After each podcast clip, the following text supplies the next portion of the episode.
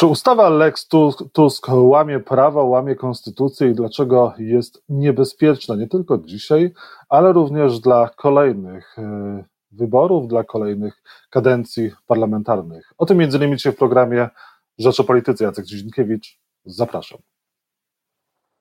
Profesor Marcin Matczak, prawnik Uniwersytet Warszawski jest Państwa moim gościem. Dzień dobry. Dzień dobry. Panie profesorze, czy ustawa Lex Tusk, ona ułamie prawo, narusza konstytucję? Tak, bez wątpienia. Y, kiedy ta ustawa była procedowana w Senacie, Senat zamówił y, kilka ekspertyz, które merytorycznie zmiażdżyły tę ustawę, dlatego że jest ona naruszeniem y, kilkunastu co najmniej postanowień konstytucji i to takich postanowień, które są dosyć oczywiste oczywiście ktoś może powiedzieć także, że dopóki e, Trybunał Konstytucyjny nie orzeknie, no to ta ustawa e, konstytucyjna jest. Natomiast jeżeli nawet sam pan prezydent, już podpisując tę ustawę, mówi, że musi ją wysłać do Trybunału Konstytucyjnego, to znaczy, że ta niekonstytucyjność w niej siedzi, siedzi dosyć głęboko. I mam wrażenie, że prezydent swoją jakby ręką polityczną ustawę podpisał, ale swoją ręką prawniczą y, wysyłają właśnie do Trybunału Konstytucyjnego, więc dobrze wie jako prawnik, że ona po prostu jest konstytucyjnym bublem. Panie profesorze, ale czy strażnik konstytucji, prezydent RP nie powinien najpierw ewentualnie, jeżeli ma wątpliwości, wysłać tęże ustawę do Trybunału Konstytucyjnego, jeżeli uważa, że Trybunał Konstytucyjny jest władny do tego, żeby sprawdzić konstytucyjność tej ustawy? E, zgodnie z stałą pewnością. A, a później ewentualnie podpisywać, bo, bo kolejność wydaje się co najmniej zadziwiająca. Nie, z całą pewnością. Ja w ogóle uważam, że to jest jeden z największych błędów e, pana prezydenta Dudy, dlatego że on w pewnym sensie sam na siebie przygotowuje e, oskarżenie do postawienia siebie przed Trybunałem Stanu. Bo proszę zobaczyć, co on robi. On mówi tak: Mam przed sobą ustawę, podpisuję ją, jednocześnie mam pełną świadomość, że ona jest niekonstytucyjna, bo jednocześnie informuję, że ją wysyłam do Trybunału Konstytucyjnego. I prezydent mówi trochę o tym, tak jak gdyby to była konsultacja z Trybunałem Konstytucyjnym. Natomiast jeżeli spojrzymy do ustawy o Trybunale Konstytucyjnym, do artykułu 47, to tam jest wprost napisane, że prezydent jutro będzie musiał w tym wniosku postawić zarzut niekonstytucyjności, wskazać niekonstytucyjne przepisy i przedstawić dowody na to, że ta ustawa jest niekonstytucyjna. Więc on działa w takiej schizofrenii prawnej, tak jak mówię, podpisuje, a jednocześnie wie, że to jest niekonstytucyjne, bo o tym od razu mówi. To, to można porównać do takiej sytuacji, wie pan, jak gdyby lekarz dostawał lek, co do którego jest podejrzenie, że on jest groźny, trujący, i mówił: Nie będziemy go badać, zanim podamy, tylko najpierw podamy, wpuścimy go do organizmu, wpuścimy go do systemu, a później zbadamy i zobaczymy, co z tego wyjdzie. No, to, to jest skrajnie nieodpowiedzialne. A z czego to wynika? To wynika z tego, że nasza konstytucja pozwala prezydentowi wysłać y, ustawę do Trybunału przed podpisaniem, to jest tak zwana kontrola prewencyjna, i oczywiście daje mu ogólną kompetencję do tego, żeby każdą inną ustawę, która została podpisana, także wysłać do Trybunału Konstytucyjnego. I prezydent tutaj miesza porządki i, i nadużywa prawa, bo do tej sytuacji, w której on teraz jest, jest przewidziana ta kontrola przed podpisaniem. No, prezydent mówi: Mam wątpliwość, yy, przesyłam to do Trybunału Konstytucyjnego, niech Trybunał mi powie, jeżeli Trybunał da mi zielone światło, to podpiszę. To jest naturalne. Prezydent tego nie robi, dlatego że gdyby wysłał przed podpisaniem, to tam w Trybunale musiałby się zebrać pełny skład, bo prewencyjna kontrola wymaga pełnego składu, a wiemy, czym by się to skończyło. Takim samym patem, jak w sprawie tych ustaw, które są potrzebne do odblokowania KPO. Jednocześnie ustawa nie działałaby, a nie wiadomo, kiedy, kiedy Trybunał by się nią zajął.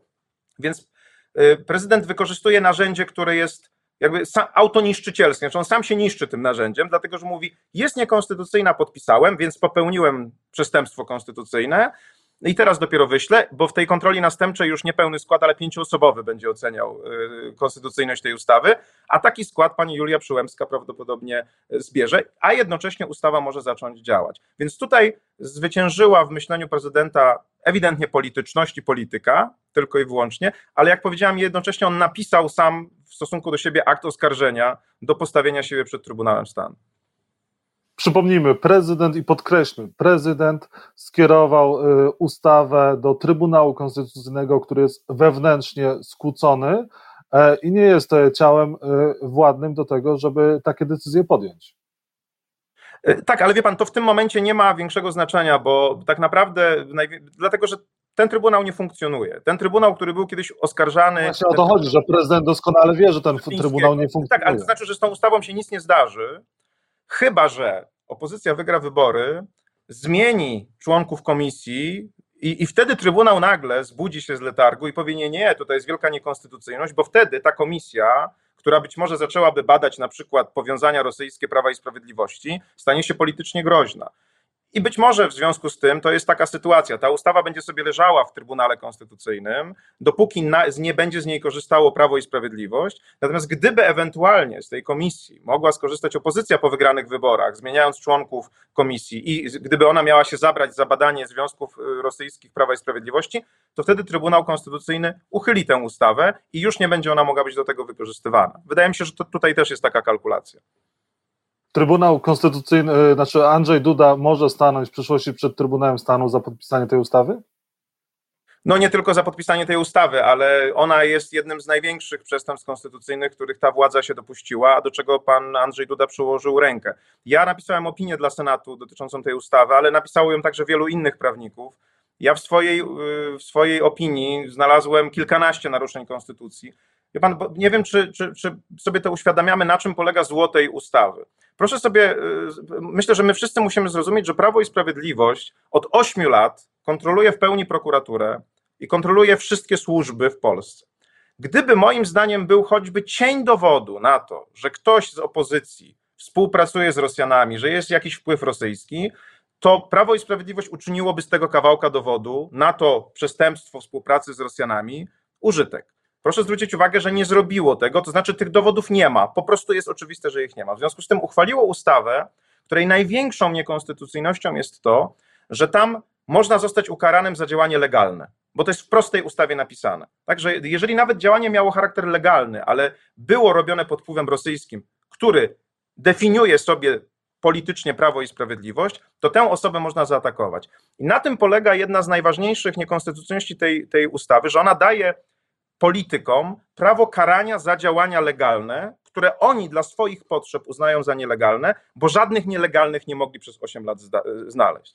Ja już pomijam fakt, że to, ta ustawa tak naprawdę pokazuje, że to państwo nie działa tak? Dlatego, że my mamy, ja w tej, w tej opinii także napisałem, mamy pięć czy sześć służb, które mają badać wpływy rosyjskie w Polsce i dbać o bezpieczeństwo państwa. Agencję Bezpieczeństwa Wewnętrznego, mamy służbę badającą, czy decyzje administracyjne nie są wydawane pod wpływem jakichś wpływów nielegalnych, mamy służbę wywiadu, kontrwywiadu.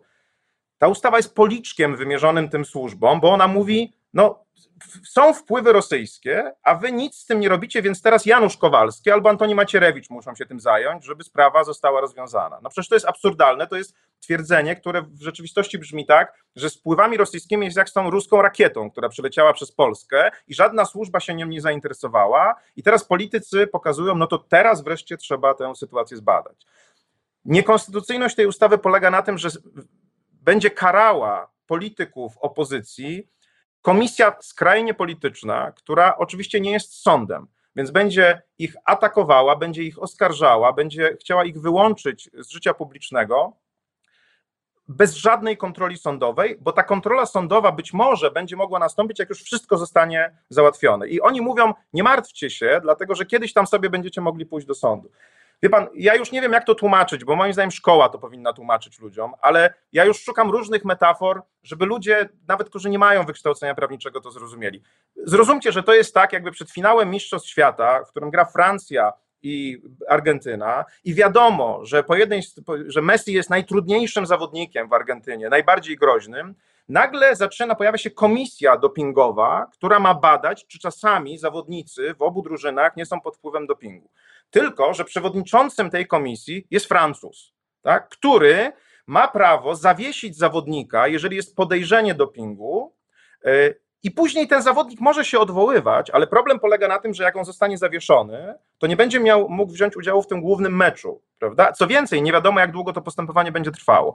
I teraz myślę, że wszyscy kibice piłki nożnej rozumieją, że gdyby pojawiła się taka komisja, to my chcemy, żeby ona była niezależna, żeby szefem był Anglik, żeby szefem był, nie wiem, Hiszpan, tak? Natomiast jeżeli szefem jest Francuz, interes w tym, żeby wyłączyć zawodnika najlepszego drugiej drużyny, to to jest konflikt interesów, to to jest brak niezależności i on ma pokusę, żeby wykorzystać swoje, swoje kompetencje, żeby powiedzieć: Mam podejrzenie co do głównego zawodnika drużyny argentyńskiej i odsuwam go od głównego meczu. On oczywiście może się odwołać. To potrwa 2-3 lata, ale już będzie pozamiatane, dlatego że tego najtrudniejszego przeciwnika odsunę. Tak wygląda sprawa z tą komisją. Ta komisja jest, nie jest sądem, a będzie działała jak sąd, i w jej skład będą wchodzili politycy. Tam, tak jak mówię, być może będzie siedział ktoś taki jak Janusz Kowalski, który oczywiście nienawidzi Donalda Tuska, mimo że kiedyś przynosił mu kwiaty i by zrobi wszystko, żeby jego czy inne osoby usunąć z gry politycznej, y, bo daje ta ustawa mu tę możliwość. I dlatego i prawnicy, i zwyczajni ludzie, i Departament Stanu y, w Stanach Zjednoczonych mówi, to jest naruszenie jakiegokolwiek standardu, bo to jest po prostu narzędzie walki politycznej, której środki karne, bo to, co będzie ta komisja nakładała, to jest dokładnie to samo, co może nałożyć sąd. Wprost, zakaz zajmowania stanowiska związanego z wydatkowaniem pieniędzy publicznych to jest coś, co w Polsce może zrobić tylko sąd, a to o tym będzie decydował Janusz Kowalski i koledzy. Więc to jest największy problem. Oni będą bezkarni i oni będą bezkarni, nie poniosą żadnych konsekwencji. I oni nie poniosą też żadnych konsekwencji. To jest, proszę sobie wyobrazić teraz, że na przykład pan albo ja, bo też jest jasne, że my też możemy być wezwani. Tak? Wie pan, my możemy być wezwani za tę rozmowę, bo my krytykujemy tę komisję, prawda? To jest działanie legalne oczywiście, ale ta komisja mówi, że nawet legalne działanie, które jest pod wpływem działa rosyjskim, może być karane. Ja nie wiem, nie wiem czy pan, może mamy, nie wiem, w rodzinie na przykład jakichś przodków rosyjskich, tak? I ktoś powie, no, tam w czwartym pokoleniu był ktoś, kto teraz siedzi w waszej głowie i wy teraz działacie na szkodę państwa. I teraz my staniemy przed tą komisją, bo jak nie staniemy, to nałożę na nas karę 20 tysięcy złotych albo 50 tysięcy złotych i będziemy tam stali, a ci ludzie bezkarnie będą mogli wobec mnie, wobec pana, wobec Donalda Tuska, wobec kogokolwiek innego powiedzieć absolutnie wszystko. Będą mogli powiedzieć, że jesteśmy pedofilami, że ukradliśmy, że zabiliśmy i nie poniosą za to żadnej odpowiedzialności, bo mają glejt wpisany w tę ustawę, że mają absolutny immunitet za to y, w stosunku do tego, co robią w tej, w tej ustawie. Na to zwraca uwagę Rzecznik Praw Obywatelskich, bo innym jeszcze problemem konstytucyjnym, znaczy już o nim mówiliśmy, tej ustawy jest to, że zgodnie z polską konstytucją wymiar sprawiedliwości mogą sprawować tylko sądy, a nie komisje polityczne.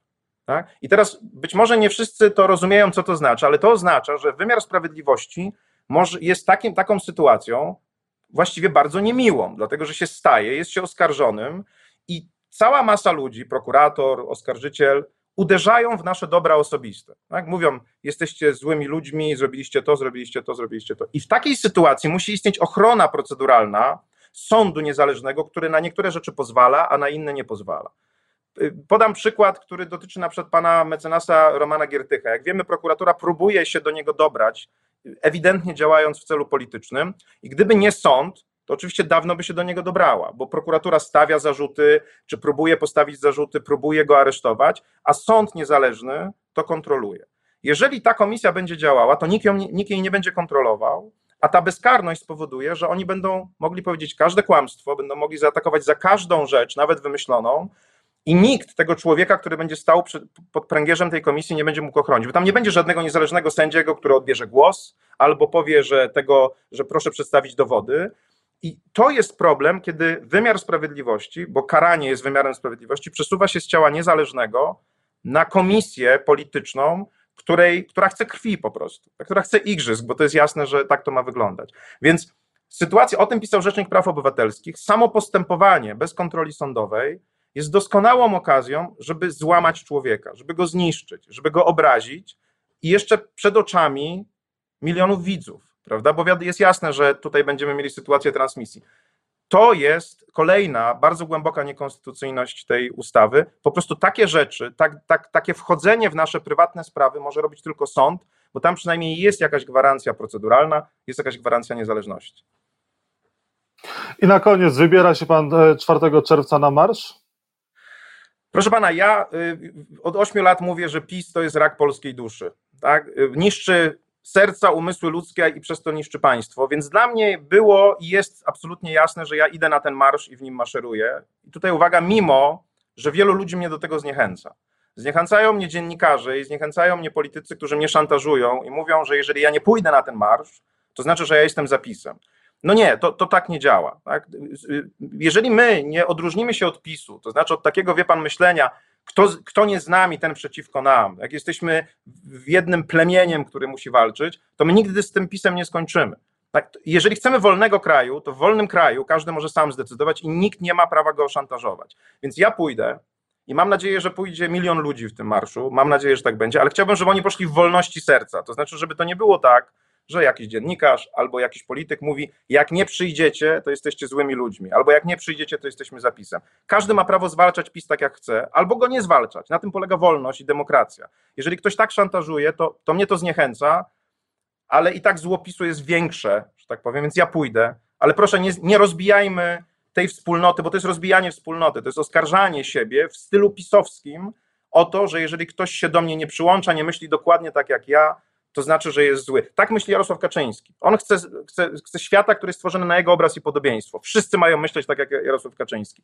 Wolna Polska to jest taka, w której wiemy, co jest złe, zwalczamy to, ale nie musimy, nie musimy myśleć tak samo, bo to jest autorytaryzm i to nie jest wolność. W związku z tym ja idę, ale proszę, żeby nie szantażować ani mnie, ani innych, że jeżeli zdecyduje albo ktokolwiek zdecyduje, że będzie nie w Warszawie, ale w innym mieście, to jest złym człowiekiem. Nie, nie jest. Po prostu jest wolnym człowiekiem i ma prawo zdecydować.